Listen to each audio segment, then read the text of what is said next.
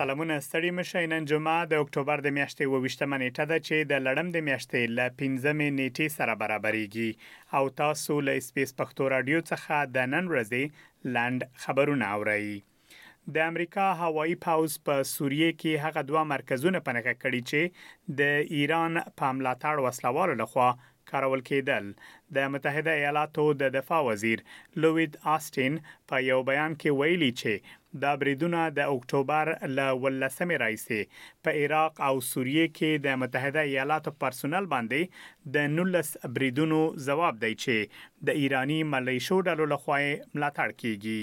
د امریکا له خوا د تېرې شپې هوایي بریدونو د وسله والو او د وسلو او مهماتو ذخیرې په نښه کړي دي، په داسې حال کې چې په منځني ختیځ کې د جګړې د خپرېدو په اړه اندېښنې شتون لري، متحده ایالات په سوریه کې د خپلو نهه سوه سرتېرو او په عراق کې د دوه زره او پنځه سوه سرتېرو لپاره محافظت ډېروي.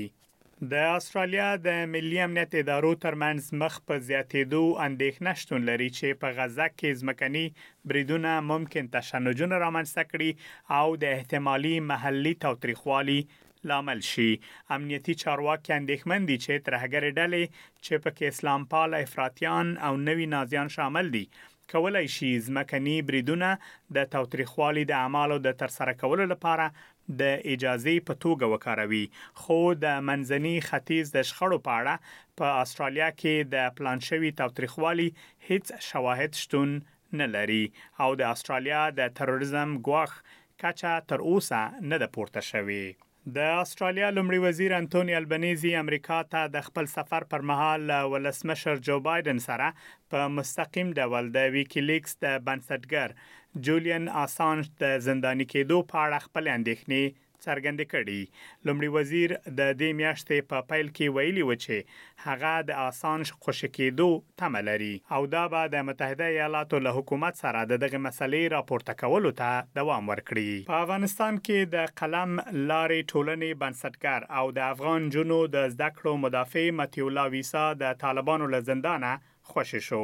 د قلم لارې ټولنې په خپله اېکسپاڼه لیکلي چې مطیع الله ویسا له دوه سوه او پنځلس ورځو زندان تېرولو وروسته را خوشې شوی دی. ښاغلی ویسا له نن څخه شاوخوا اووه میاشتې دمخه د مارچ په اته ویشت مه په کابل کې طالبانو نیولی و. طالبانو پر ویسا تور لګولی و چې خپلسري فعالیتونه یې درلودل او د نظام ضد هڅونې یې کولې. ټاکل شوې تر څو نن شپه د کرکټ په نړیوال جام کې د پاکستان او سریلانکا ترمنځ د کرکټ یو ورځنۍ لوبه ترسره شي.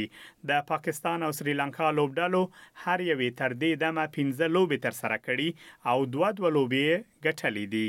د نن شپې لوبې ګټل د دواړو لوبډلو لپاره مهمه دي.